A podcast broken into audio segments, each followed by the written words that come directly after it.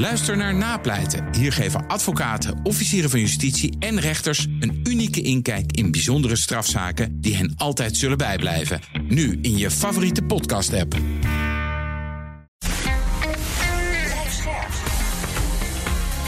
BNR Nieuwsradio. De AEX-factor. Wesley Weert. Jelle Maasbach. Welkom bij de AX Factor, de podcast voor de slimme belegger. Elke week een nieuwe gast die je bijpraat over de beurzen, beleggen en vermogen opbouwen. En deze week bij ons Jean-Paul van Oudheusden van beleggingsplatform Markets Are Everywhere en analist bij eToro. Past het allemaal op één visitekaartje? Nee, dat zijn ook twee verschillende visitekaartjes. dat komt goed uit. Goed dat je er bent. We gaan het eh, deze aflevering hebben over bommen en granaten. Straaljagers, tanks en wapens zijn namelijk weer hard nodig. En voor Europa dreigt ook nog eens de grootste energiecrisis ooit. De oorlog in Oekraïne zet alles op zijn kop. En daardoor lijkt het taboe op wapen, olie en gasaandelen ineens verdwenen. En deze ja, foute bedrijven zijn zelfs eh, de winnaars op de beurs. Jean-Paul, uh, ja, tot voor kort waren olie, gas, passé, beleg- en wapenaandelen. Ja, dat kon ook niet. Uh, nu stappen beleggers er wel op in, maar met welke gedachten doen ze dat? Ja, nou, geld verdienen. Kijk, als je kijkt naar de koersen in de eerste helft van het jaar, dan hoe je het ook went of keert, dan waren olie- en gasaandelen. Dat is eigenlijk een van de enige sectoren waar je de inflatie mee goed kon maken. Ja. En als je het gewoon heel nauw houdt, dat je zegt, ja, ik beleg toch om mijn vermogen in ieder geval in stand te houden en het liefst nog wat meer te maken, ja, dan was dat een sector waar je eigenlijk niet omheen kon. We gaan er straks uitgebreider over, over verder praten. Ik wil een klein beetje er naartoe teasen, dus verklap niet te veel. Maar hebben beleggers hun principes misschien wat overboord gegooid de afgelopen maanden? Nou, er zijn gewoon heel veel verschillende type beleggers. En uh, dit zijn ook, hiermee raak je ook de uiterste. er zijn sommigen die zeggen van ik moet er helemaal niks van hebben.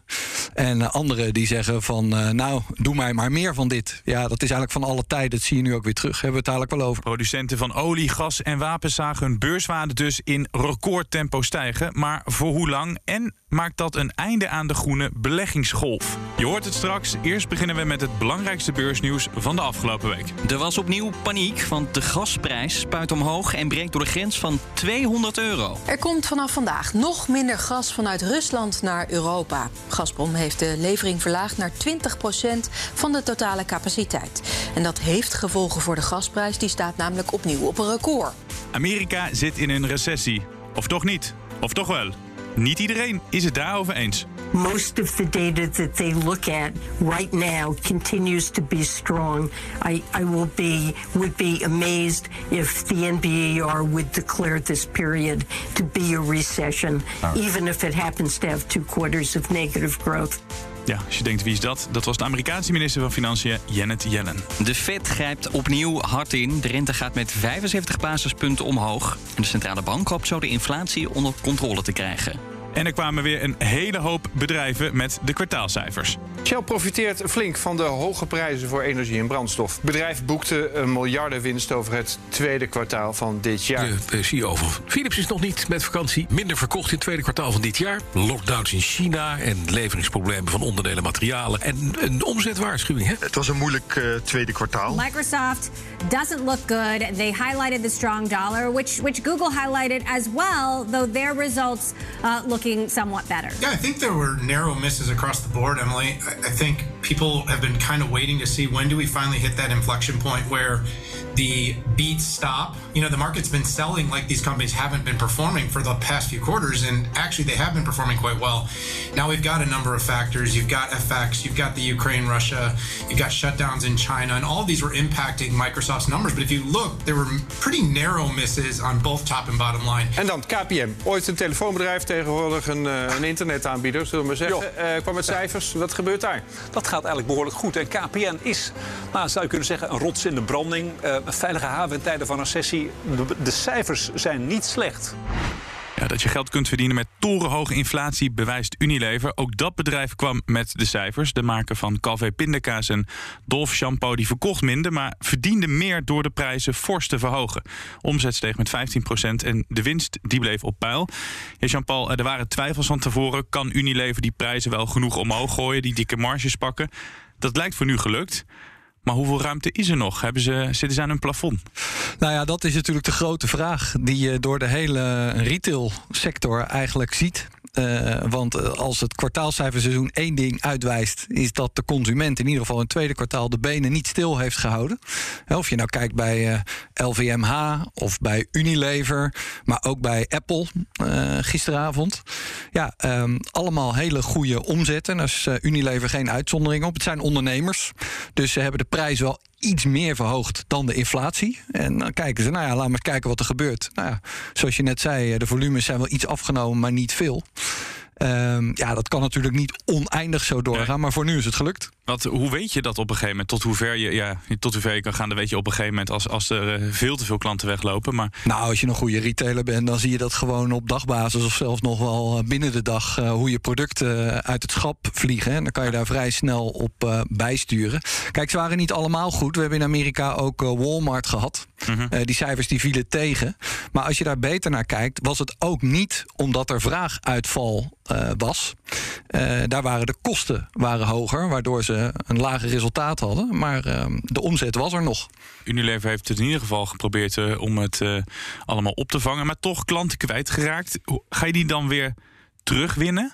Nou, kijk, ik, ik denk om een antwoord op je vraag uh, te zoeken. Als je kijkt, uh, op een gegeven moment is natuurlijk uh, de vraag van hoeveel geld heeft die consument nog?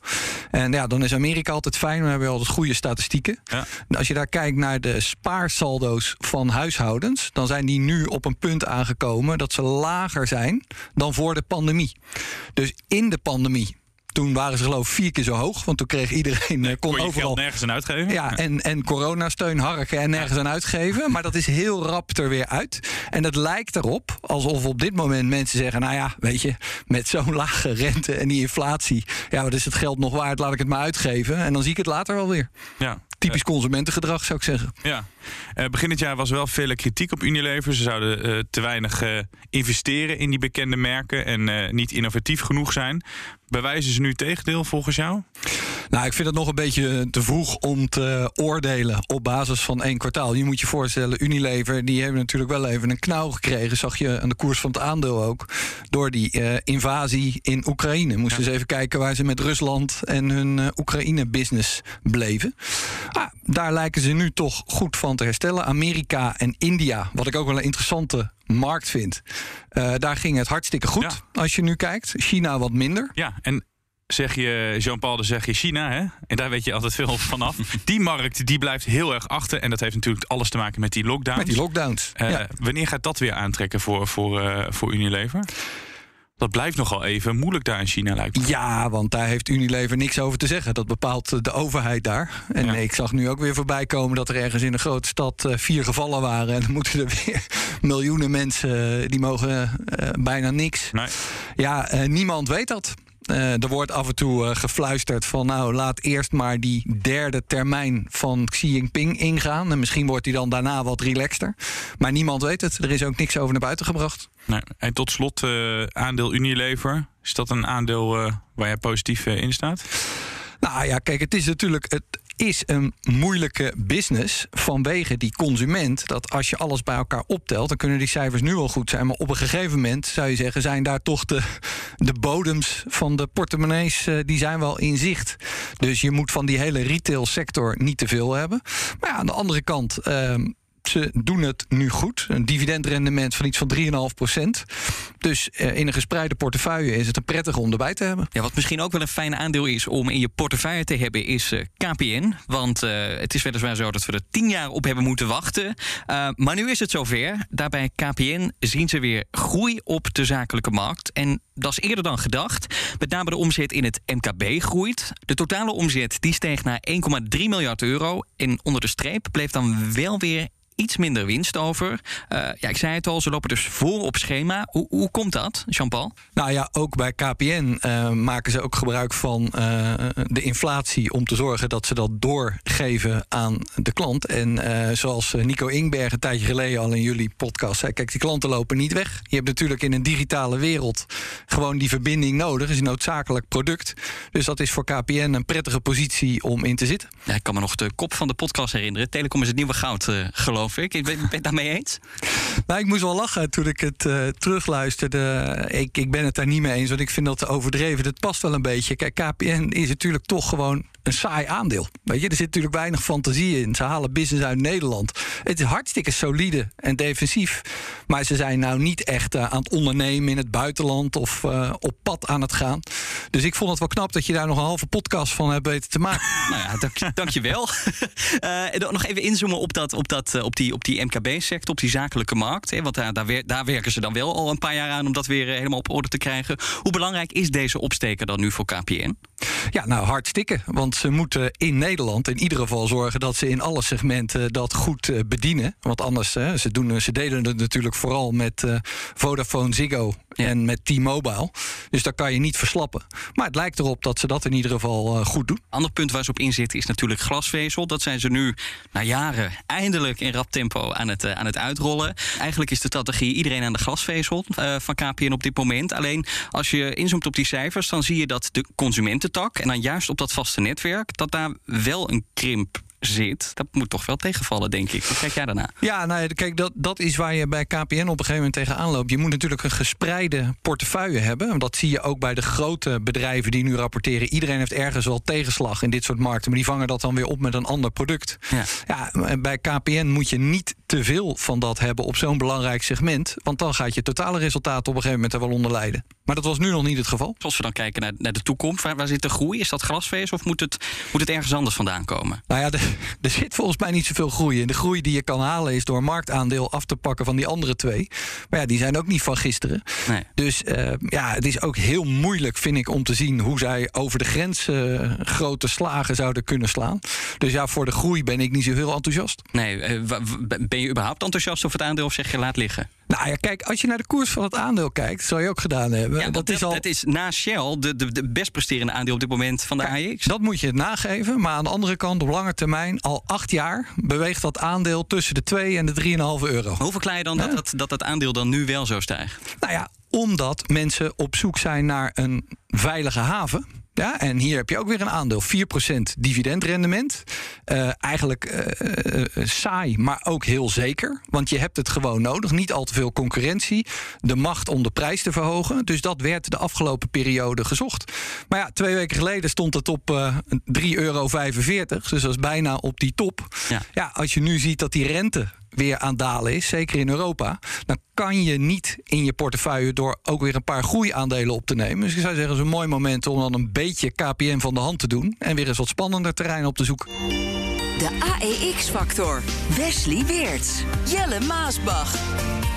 Ja, we hoorden net al van Jean-Paul dat hij het leuk vindt om uh, afleveringen terug te luisteren. Vind jij dat ook? Vind je dit een leuke podcast? Vergeet je dan vooral niet te abonneren. Dan heb jij de nieuwste aflevering nog eerder. Ja, jarenlang eh, was het een taboe investeren in bedrijven die niet duurzaam zijn. Dus dan moet je denken aan olie- en gasbedrijven, de wapenfabrikanten. Maar door de oorlog in Oekraïne lijken we te zijn afgestapt van de groene aandelen. It's a good time to look at value and defense certainly fits that category. I mean, you've got these stocks barely in, in double-digit PE multiples and the world's not becoming any safer anytime soon and the defense budget is growing yet again this year. So they sure seem a safer and more a less bumpy ride than an awful lot of these tech stocks is plummeting like a, a rock you threw out of a plane. no pun intended. Ja, Wesley noemde het eerder de foute aandelen. Hè? Dus de aandelen de, waar vroeger dat taboe op, op rustte. Um, zijn het vooral particulieren die die kopen? Of uh, maken banken nu, de grote investeerders ook, de keuze om voor dit soort aandelen te gaan? Nou, um, even, even een stapje. Want er werd net gezegd uh, olie, gas en wapens. dat, dat is nogal niet een groot verschil. Ik denk dat daar nog hè, energie hebben we elke dag nodig voor ja. bedrijven, huizen. Wapens is nog wel een hele andere categorie. Ja. Maar wat je in ieder geval ziet bij de grote institutionele beleggers, dat die uh, ja, toch uh, ver weg willen blijven. Wapens, uiteraard. Ik denk dat dat ook helemaal niks is voor particulieren om daar überhaupt naar te kijken. Weet je, waarom zou je dat doen? Je hoeft ook niet overal in te beleggen. Mm -hmm. ja, olie en gas is een ander verhaal. Ik zei dat net al. Uh, dat was toch een van de sectoren, of eigenlijk de enige sector met wellicht grondstoffen, waar je toch nog een goed rendement kon behalen. En KPN dan. En zo zijn er nog wel een, uh, een paar uh, te noemen. ja, uh, voor mensen die hun vermogen willen beschermen, denk ik dat het gerechtvaardigd is om daar naar te kijken. Want uh, die duurzame aandelen die staan uh, onder druk door die oorlog in Oekraïne. Waar heeft dat mee te maken? Is dat voornamelijk die gestegen energieprijzen? Dan gaan we meteen helemaal naar de andere kant. Want dan praten we over de duurzame aandelen. Ja, waar dat uh, mee te maken heeft, niet zozeer met die oorlog in Oekraïne, maar wel met die gestegen rentes. Dat is natuurlijk een tak van sport. Die is nog vrij jong. Uh, nou, die zijn op een gegeven moment op de beurs zijn die aandelen gigantisch gestegen toen uh, Joe Biden werd gekozen tot president in Amerika. Want het verschil tussen wel of niet duurzaam tussen Biden en Trump, het kan niet groter zijn. Precies. En toen Biden gekozen werd in november 2020, toen gingen al die aandelen als een raket omhoog met een beetje te veel fantasie. Maar heel veel van die bedrijven die moeten nog investeren, die zijn jong en die verdienen nog geen geld. Dus als de rente dan omhoog gaat en de verwachting is dat die nog veel verder omhoog gaat. wil je dat soort bedrijven misschien, meneer? Nee. nee. Dan ben je toch eerder op zoek naar bedrijven die wel winst maken. En nou, lang niet uh, een behoorlijk aantal zat in het bakje. Kijk daarmee uit. En die gingen daardoor onderuit. Maar lang niet allemaal. Er zijn ook goede te vinden. Ja, dus het was niet alleen door die oorlog dat, dat de aandacht verschoof naar ander soorten aandelen. Maar het was vooral, zeg jij, die stijgende rente. Waardoor we dachten, nou, dan kunnen we beter voor uh, ander soort aandelen. Ja, kijk, aan het, aan het begin van die, uh, van die invasie, van die oorlog. Uh, toen zag je een kleine opleving. Want toen dacht iedereen van, hé, hey, wacht eens even. Dan gaan we nu versneld over naar duurzaam. Maar dat heeft maar heel even geduurd. En toen daalde het realisme in. En daar vind ik, daar moet je ook gewoon eerlijk over zijn. We kunnen gewoon niet zonder de fossiele brandstof op het moment. Het is een loffelijk streven. Ik denk ook dat niemand daartegen is om op termijn die verhouding anders te hebben. Maar dat kan je niet zo eventjes. Uh, even fixen, want dan was het al lang gebeurd. Maar toch denk ik ook dat we door deze oorlog uh, tot de conclusie zijn gekomen van we moeten misschien wel minder afhankelijk worden van de Poetins van deze wereld of van die oliesheiks. Misschien meer in duurzaam investeren. Maar dat lijkt bij beleggers uh, nu niet te zijn? Nou, dat weet ik niet. Maar kijk, de, um, het, beleggers staan daar niet uh, vooraan. Hè? Ik denk toch dat je moet kijken om uh, die klimaatverandering tegen te gaan, die duurzame investeringen. Dat heeft echt gewoon een hele lange termijn planning nodig van tientallen jaren. Wat je bijvoorbeeld uh, bij bedrijven, ik, ik was nu ook weer uh, uh, vorige week weer aan het luisteren naar die uh, presentatie van ASML. Daar heb ik altijd heel veel respect voor. Want die hebben echt een planning van 15, 20 jaar vooruit. Wat ze met die machines ook bespreken met hun afnemers. Nou, als je hier kijkt naar het klimaatbeleid, ja, dat is altijd afhankelijk van wie er elke vier jaar wordt gekozen. En dan gaan we helemaal de andere kant uit. Daar kan je als belegger natuurlijk je geld niet op inzetten. Nee, dat is heel is, lastig. Het is natuurlijk wel wie betaalt, bepaalt. En in dit geval gaat het geld voornamelijk dus naar die oude industrie. Dus in die zin zet het niet de, die, die, die verduurzaming nou, Dat is niet waar, want er gaat heel veel geld naar uh, duurzame uh, energie en inzet. Maar we zien nu ook die verschuiving, daar hebben we het de hele tijd over, uh, naar olie en gas. Maar misschien niet zoveel als dat de fervente voorstanders, inclusief Frans Timmermans, zouden willen. Maar ja, dat heeft er ook mee te maken ehm, dat je toch meer uh, zekerheid moet hebben. Uh, als je een bepaalde investeringen doet en een bepaald pad inslaat, dat het er ook komt. Bijvoorbeeld niet in de laatste plaats, ook op het gebied van vergunningen. Ja? Ik kan me nog herinneren dat in, in Noorwegen uh, las ik een aantal maanden geleden een verhaal. Die hadden het net voor elkaar om daar een hele hydro-installatie aan de praat te krijgen. En dat draaide. En toen won toch iemand een rechtszaak dat de eland dat daar toch iets te veel bedreigd werd. Toen moesten ze dat weer gaan afbouwen. Ja, dat is niet wat je als investeerder wil horen. Natuurlijk. Nee, maar dat is misschien ook wel. Want je noemde net dat voorbeeld van Amerika. Een president die aan de macht komt, een totaal ander beleid voert. Dus je bent heel erg afhankelijk van de politieke grillen. Dus dat, daar is dit ook weer een voorbeeld van. Ja, dus en, en de klimaatverandering is natuurlijk een wereldwijd probleem. Dus dit is nou typisch iets wat je ook niet uh, in één vierjaarsperiode of in één land kan doen. Dit zou je met z'n allen moeten doen. En ik heb een hele lange tijd gehoopt, omdat eigenlijk er dus ook echt wereldwijd niemand tegen is. Hè? Bijvoorbeeld China en Rusland zijn ook niet tegen. Die zeggen alleen, we moeten daar wel wat langer voor uittrekken. En ik heb de hele tijd gehoopt dat ze daar met elkaar zouden zeggen... nou, dit gaan we dan samen doen. Is niet gelukt. Nee, is het zo, want we hadden het net over die andere kijk... misschien op aandelen of een verandering die die oorlog in Oekraïne teweeg heeft, heeft gebracht. Um, is is uh, het begrip duurzaamheid en dat de aandelen die we onder duurzaamheid verstaan... is dat de afgelopen maanden veranderd? Is dat op de schop gegaan, denk je? Nou, kijk, als je het mij vraagt... Kijk, iedereen die het vraagt zal een ander antwoord geven... maar ik sta hier... kijk, je, je kunt naar mijn mening niet twee wedstrijden tegelijkertijd proberen te winnen.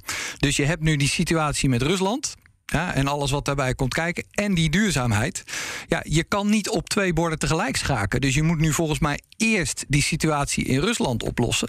En de rauwe werkelijkheid daar is. eh, dat eh, daar echt nog wel heel wat water door de Maas doet. Wil je daar op een gegeven moment weer met elkaar on speaking terms eh, zijn? Dat, dat klopt inderdaad. Maar ik las ook eh, een opiniestuk, volgens mij stond het in het, eh, in het FD. Dat ging ook echt over hoe dat we die aandelen beoordelen, wat we duurzaam vinden. En dan ging het bijvoorbeeld ook over energiezekerheid. Hè. Dat is iets wat we belangrijker zijn gaan vinden. Of het kunnen verdedigen van onze eigen Europese grenzen. Waardoor misschien die defensieaandelen meer in trek zijn. Zijn dat, zijn dat, denk jij, ook wel veranderingen die eraan hebben bijgedragen dat die aandelen nu ook meer in trek zijn?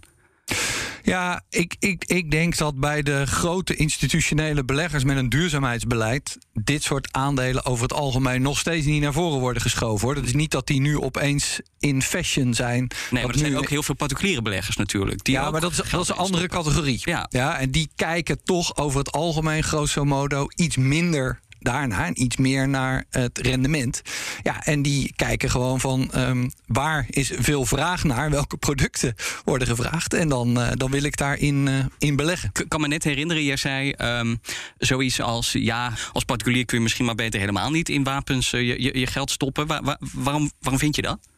Nou ja, het spreekt mij gewoon niet zo aan. En dan denk ik van, kijk, het is, het is ongelooflijk belangrijk voor defensie. Maar op dat vlak, ja, wat weten wij nou zoals we hier staan van wat daar speelt? Kijk, ik kan alleen maar, maar ja, dat is misschien meer een onderwerp voor de podcast van eh Boekenstein en de Wijk. Eh, Je hebt daar volgens mij al eerder voor gesolliciteerd in- in deze podcast, of niet? Oh, dat weet ik niet. Maar in, eh, in Oekraïne draait nu alles gewoon om het verdedigen van Odessa. Ja, dat is de laatste haven die nog in handen van Oekraïne is. Kijk, als die in Russische handen valt, dan heb je dus met alle. Want daar gaat zoveel transport door die haven. Ja, daar moet je als belegger wel naar kijken. Dat, dat maakt wel een heel groot verschil. Want dan krijg je echt wel andere verhoudingen. En dat verklaart ook waarom dat de meest eh, groene regering in Duitsland sinds tijden. nu weer ongelooflijk veel geld in defensie pompt. maar ik voel geen enkele behoefte als particuliere belegger om daaraan mee te doen. Nee, het defensieapparaat daar eh, bij de Oosterburen is inderdaad gigantisch verstevigd. Maar kan je me toch wel ergens voorstellen dat het toch ook wel ergens tof is, of tof is misschien niet het goede woord, maar dat je dus investeert in een bedrijf of een trekker hebt in een bedrijf dat wapens levert waarmee we de, de landsgrenzen kunnen verdedigen. Ja, ik niet, maar jij misschien wel.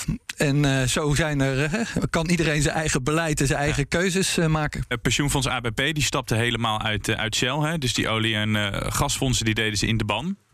Jij zegt net van je moet ze erbij betrekken. Denk je dat partijen als ABP zich nu echt achter hun oren krabben? Dat ze denken van eh, god, daar hadden we wel in moeten blijven investeren? Nou, ik denk dat ze die eh, beslissing eh, wel overwogen hebben gemaakt. En dat ze heel erg blij zijn dat ze nu die mensen die aan het protesteren zijn, niet meer onderaan de toegangspoort hebben staan. Want dat neemt het natuurlijk weg. Ehm, ja, en ze hebben natuurlijk talloze andere categorieën waar ze rendement mee kunnen maken. Nou, even verder borduren op dat eh, duurzame beleggen. Er is al veel langer discussie over wat nu duurzaam is en wat niet. Zo krioelt het van de groene fondsen. Maar hoe weet je nou echt wat duurzaam is en wat niet? Het is zo breed, daar is niet echt een, een, eh, een, een eenduidig antwoord op te geven. Dus ik hanteer maar mijn eigen definitie. Kijk, ik vind eh, een bedrijf is voor mij duurzaam. Als ze in hun productieproces en hun leveringsproces gewoon oprecht bezig zijn daar waar ze kunnen om het duurzamer in te richten. En dan heel belangrijk, ook op het moment dat er niet iemand over hun schouder mee staat te kijken. Weet je, dat je dus echt oprecht bezig bent om het duurzamer te maken. Dan vind ik het duurzaam. Want wie is nu eh, degene of, of wat is de club die bepaalt wat duurzaam is?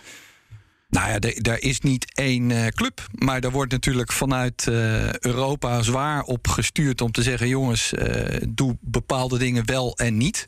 En daar komt je hebt die, die klimaatbenchmarks, die hangen aan het akkoord van Parijs. Die worden wel vaak gevolgd. Maar APG en PGGM die hebben samen weer. ook met een aantal buitenlandse partijen bepaalde criteria gemaakt. ASN heeft weer eigen criteria. Dus er zijn uh, ja, uh, meerdere partijen met meerdere criteria. Ja, en als je goed duurzaam bezig bent, dan uh, heet dat met een mooie woord ESG, hè? Ja, maar ESG, daar stond dus in de Economist, wat is het, vorige week een artikel in... dat dat eigenlijk een beetje failliet is. Ja, dat is natuurlijk ook een moeilijke term. We gebruiken daar vaak Tesla bij als voorbeeld. En dan zeggen mensen, oh, die hebben veel gedaan. Die elektrische auto's toch echt er doorheen gekregen. Maar ja, Um, voor die batterijen heb je onder andere lithium en andere grondstoffen nodig. Kobalt. Ja. ja, en die komen uit mijnen. En mijnbouw is ongeveer de meest vervuilende industrie. Ja, dan mag jij het zeggen of het dan wel of niet telt. Um, als je die kant uit wil en meer uh, elektrische auto's wil hebben, dan moet je dat toch accepteren. En kijken tijdens het proces of je dat dan iets beter uh, kan maken. Als je ziet wat er nodig is om tot die batterij te komen, dan uh, is het niet, uh, niet heel erg duurzaam, nee? Nee, daar heb je dan misschien wetenschappers en mensen bij nodig die dat dan goed uitrekenen, wat op lange termijn het, het beste plan is. Maar dat opiniestuk, dat de ESG failliet is, ben je het daarmee eens? Ja, het, het is gewoon een. Um, uh, kijk, in de, in de financiële wereld is het dat hebben is beter dan niks. Dus ik snap wel dat mensen ermee doorgaan. Maar voor als belegger is het gewoon lastig dat je gewoon geen zekerheid hebt. Als je uh, in een ESG-belegging zit, dat het dan ook helemaal duurzaam is. En dat zie je vooral bijvoorbeeld terug bij de green bonds, de groene obligaties. Mm -hmm. Ja, die worden door alles en iedereen uitgegeven voor een deeltje in hun uh, bedrijfsvoering wat ze dan duurzaam willen maken, terwijl ze misschien op een ander vlak totaal dingen doen die helemaal niet duurzaam zijn. Dus het is, het is heel erg moeilijk om er als belegger op te kunnen vertrouwen dat je dan ook echt iets hebt wat 100% duurzaam is. Maar het is beter dan niks. Ja. Want als je dan in de supermarkt staat, dan zie je altijd het keurmerk of hoe biologisch iets is. Hè? En dan kan je een beetje de duurzaamheid eruit halen. Hoe zit dat met dit soort beleggingen? Zijn er dan bepaalde keurmerken en, en vind jij ze te vertrouwen? Nou ja, te vertrouwen. Kijk, ze doen allemaal hun best. Maar er zijn allemaal. Het, het is natuurlijk geen makkelijke puzzel. Hè. Neem dat voorbeeld van Tesla. En zo kunnen we er nogal een paar uh, uh, bedenken. Mm -hmm. uh, zeker bijvoorbeeld op het vlak van energie, wat je toch overal voor nodig hebt. Ja, dat krijg je niet schoongepraat. Maar ook de bedrijven die ehm, duurzame uh, producten maken, ja, die zullen toch ook energie moeten gebruiken. En dat moet dan wel vandaag. Uh, want dat kan je nog niet allemaal duurzaam opwekken. En dat duurzaam beleggen, is het, een, is het een hype? Nee, dat is geen hype. Want we gaan daar wel naartoe. Wat ik al eerder zei, in de hele wereld is er niemand tegen om alles bij elkaar. De dingen duurzamer te maken. Het is alleen het woord gehyped, omdat er altijd weer mensen bovenop springen die denken: hé, hey, dan uh, plak ik ergens een labeltje op en dan uh, stromen de klanten ook binnen. Mm. Ja, dat, dat stuk daarvan is een hype, maar in zijn algemeenheid natuurlijk niet. Wie is er nou tegen? Doel je dan op greenwashing in, in de, dit geval? Is ja. dat wat je bedoelt? Ja? ja. Zijn er al een paar aansprekende voorbeelden van greenwashing die je zo paraat hebt, waarvan je zegt: nou, hier was eigenlijk werd het veel mooier voorgedaan. Hè? de afbeeldingen met mooie schaapjes en windmolens, maar achter achter de schermen gebeurde er een hoop. Uh, nou, ik heb die zo niet 1, 2, 3 uh, paraat. Maar ik hou het toch liever een beetje aan de professionele kant. En dan zie je dus bij die, bij die green bonds. Daar kan je toch wel van zeggen dat zo'n label eigenlijk te snel uh, wordt gegeven. Ja, waarom? En, nou ja, om, omdat uh, het gewoon niet is uit te leggen. Ja? Je kan dan zeggen, ik geloof dat uh, Schiphol heeft ook een green bond uitgegeven. Ja, dat is opvallend. Hè? Ja, dat, dat, daar maken ze dan het hele complex. ik weet niet op welke manier precies, maar duurzamer mee. Ik geloof echt oprecht dat dat wel goed bedoeld is. Maar het is gewoon niet uit te leggen dat Schiphol daarmee een duurzaam bedrijf zou zijn. Hoe, hoe voorkom je nou dat je als ja, ik denk dat we voornamelijk voor, voor particuliere luisteraars en beleggers deze podcast maken. Hoe, hoe voorkom je nou dat je in dat mijnenveld van greenwashing terechtkomt? Nou ja, ik zou gewoon zeggen, kijk gewoon zelf per belegging. Kijk, uh, particulieren die hebben nou ook weer niet zoveel beleggingen in hun portefeuille. En je kunt gewoon op zoek gaan naar uh, bedrijven die volgens jouw eigen definitie, dat je zegt, nou, ik heb hier een goed gevoel bij dat ik hier, uh, hierin beleg. En die zijn echt wel te vinden. En de ene die hanteert daar dan iets strengere criteria voor dan een ander. En dan is er echt wel veel te vinden hoor ik probeer ook even. Uh, bijvoorbeeld een bedrijf als Shell, maar je noemde net, net Schiphol al, maar uh, Shell is misschien wat meer, meer aansprekend. Dat is een bedrijf, staat bekend om olie en gas, maar dat is tegelijkertijd misschien ook een bedrijf waar we juist die hele transitie mee moeten maken. Dus is, dat, ja, is het dan die grote vervuiler, zoals we het vaak bestempelen? Of is dit de redder die ons juist uit die vervuilende wereld gaat trekken? Nou, kijk, bij, bij Shell moeten we wel, eh, en het geldt ook voor de andere oliemaatschappijen, maar wel even een pas op de plaats maken. Maar je snapt wel welke kant ik op Ik wil, snap toch? wel welke Ja. kant je op wil. En ik zie ook wel hoe best ze doen. Maar Shell is natuurlijk niet duurzaam. Ik weet niet of je dat artikel nog kan herinneren op Bloomberg van eh, drie maanden geleden. Dus dat ze zeggen van een vat olie uit Rusland, dat mag niet meer meer. Dus als je er dan 49,9% Russische olie in een vat stopt en 50,1 uit een ander land, dat noemen ze de, de letse variant. Ja. dan is het eh, wel gewoon goed. Dan haal je geen eh, vinkje op het vlak van, eh, van duurzaamheid. Nee, maar tegelijkertijd zijn dat wel de bedrijven die kennis, geld hebben. En dus ook een, een grote achterban qua, qua aandeelhouders. Die misschien juist dan ook wel. Dat zijn misschien juist de enige partijen die ook echt die transitie kunnen. Nou ja, daarom is het ook zeer te waarderen wat ze nu met Holland Hydrogen proberen en inzetten op die waterstof. En daarbij betrokken zijn en daar ook echt in investeren. Ik hoor dan wel mensen eh, in druk maken zeggen: ja, er komen ook subsidies bij kijken. Ja, het is ook erg onzeker. Ja. En je ziet dat BP ook doen. Die zijn eh, geloof ik voor 41 miljard in een eh, waterstofproject in Australië gestapt. Dus je ziet echt wel de bewegingen die kanten uit. Maar op dat vlak, om nog even terug te komen waar we het eerder over hadden, voor particulieren, de beursgenoteerde waterstofaandelen, ja, die maken op dit moment allemaal nog geen geld. Dus daar zou ik dan wel meer mee uitkijken. En je ziet dat bijvoorbeeld aan de kant van de zonnepanelen.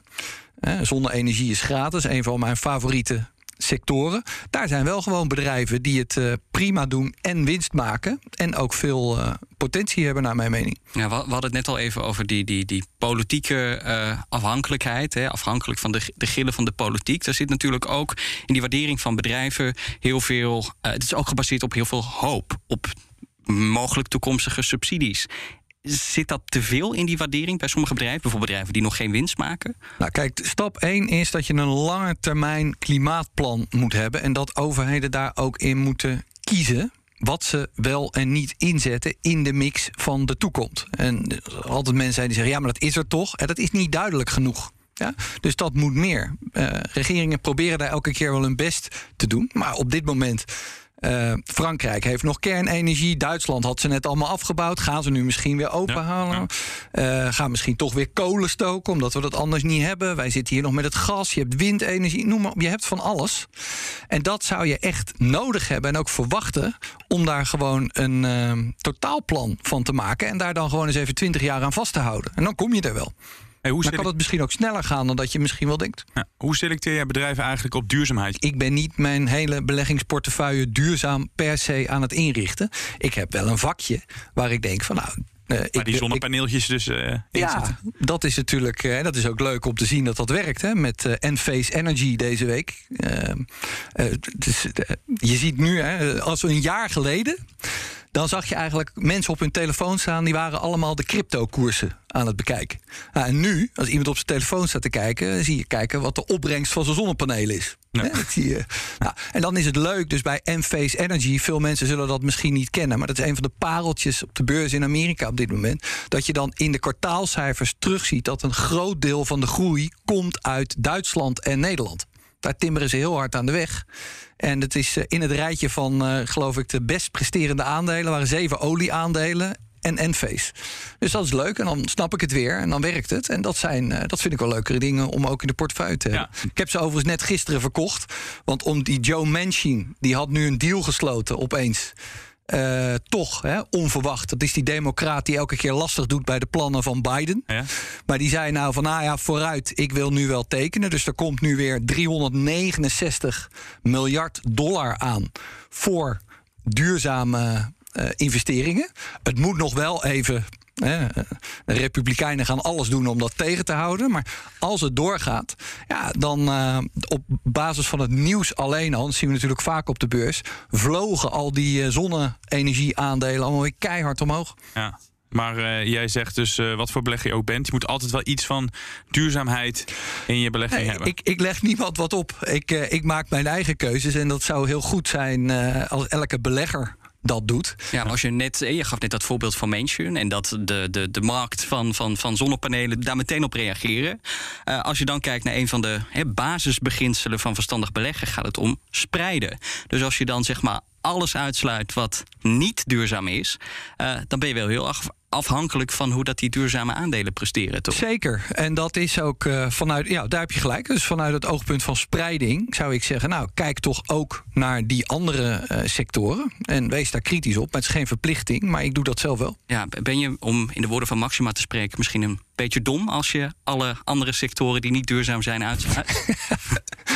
Ja, laten we elkaar. Dat, dat, heeft toch helemaal geen zin om mensen, mensen dom te doen. Ik vind dat niet. Het zijn gewoon keuzes. Je moet uh, sowieso beleggen als je er uh, goed in verdiept hebt. En dan de keuzes maken die uh, bij jou passen. Ja, er zijn ook heel veel mensen met een beroep die werken in een industrie die niet zo heel erg schoon is. Ja, weet je, moet je daar dan stoppen? Moet je dan allemaal wat anders gaan doen? Dat werkt toch niet? Dan, dan helpen we de economie toch ook niet verder. Ja, Rusland is uh, misschien een wake-up call voor duurzaam beleggen. Samenvattend, wat kunnen we van dit alles leren? Nou, dat het realisme wel degelijk terug is op de markten. En dat we te maken hebben met een, heel groot conflict dat nog steeds niet is opgelost. Wat op dit moment het Westen en het Oosten eigenlijk alleen maar verder uit elkaar drijft. Ja, en dat is gewoon wel iets voor beleggers hebben we het hier denk ik ook eens eerder over gehad, om rekening mee te houden. Want dat speelt gewoon een grote rol. Dat zie je dus met name met die, die toeleveringsketens. Ja, uh, dat zie je nu bij de kwartaalcijfers ook terug. Dat hakt er bij sommige bedrijven in. Dus je kunt beter in je portefeuille splitsen tussen bedrijven die of helemaal in het westen zitten met hun productie en hun klanten, of helemaal in het oosten. Nou, misschien op dit moment voor het gevoel een beetje meer westen dan het oosten bij de meeste mensen, denk ik. Mm -hmm. uh, dat is slimmer dan dat je uh, dat gaat mixen. Zijn natuurlijk uitzonderingen. Kijk maar naar Apple gisteravond. Hè? 83 miljard ja. uh, omzet in één kwartaal met een grote business in China. Ja, het kan dus wel. Ja. Hey, die oorlog en die oplopende rente die je terecht aanhaalde, die maakt voor nu een einde aan die groene geldgolf? Nou ja, oplopende rente. Kijk, dat is natuurlijk wel weer van deze week. Als je kijkt naar de 10-jaars Duitse rente. Die stond geloof ik een week geleden op 1,3. Die zit nu weer op 0,8. Dus we maken nu wel even een, uh, een, een draai. En zelfs in Amerika ook de 10-jaars rente. Die is nu duidelijk onder de 3. Het is even de vraag of dat aanhoudt. Maar dat, uh, die hadden we zo snel even niet zien aankomen, zeg maar. Dus vandaar dat nu iedereen weer praat over... hoe krijgen we toch die recessie? Maar het omgekeerde is dat dus al die jonge bedrijven... die eerst werden afgestraft... ja, die kunnen dan dadelijk misschien toch weer goedkoop aan geld komen. Dus je moet er niet raar van staan te kijken. Dat hebben we eigenlijk de afgelopen dagen al gezien. Dat een hoop van die technologiebedrijven, maar ook die duurzame bedrijven... op de beurs weer wat in de lift zitten. Dankjewel, Jean-Paul van Oudhuizen, de man met twee visitekaartjes van beleggingsplatform Markets Are Everywhere en analist bij eToro. En Wesley, uh, Jean-Paul die zei net terecht dat hij een podcast had teruggeluisterd. Er zijn nog wel wat afleveringen die je kan terugluisteren als luisteraar. Zeker, er zijn heel wat afleveringen die weer inmiddels gemaakt zijn. Veel zijn daar nog van actueel. Ik was er vorige week niet, dus jij weet beter wat jij vorige week hebt gemaakt. Uh, Ging over de kwartaalcijfers. Over de kwartaalcijfers. Nou, daar kunnen we het volgende week weer over hebben. Dus luister dan ook. Ben je toch aan het luisteren? Abonneer je en hopelijk tot volgende week. Tot volgende week. Ook Bas van Werven vind je in de BNR-app. Ja, je kunt live naar mij en Iwan luisteren tijdens de ochtendspits. Je krijgt een melding van Breaking News. En niet alleen onze podcast Ochtendnieuws, maar alle BNR-podcasts vind je in de app. Download nu de gratis BNR-app en blijf scherp.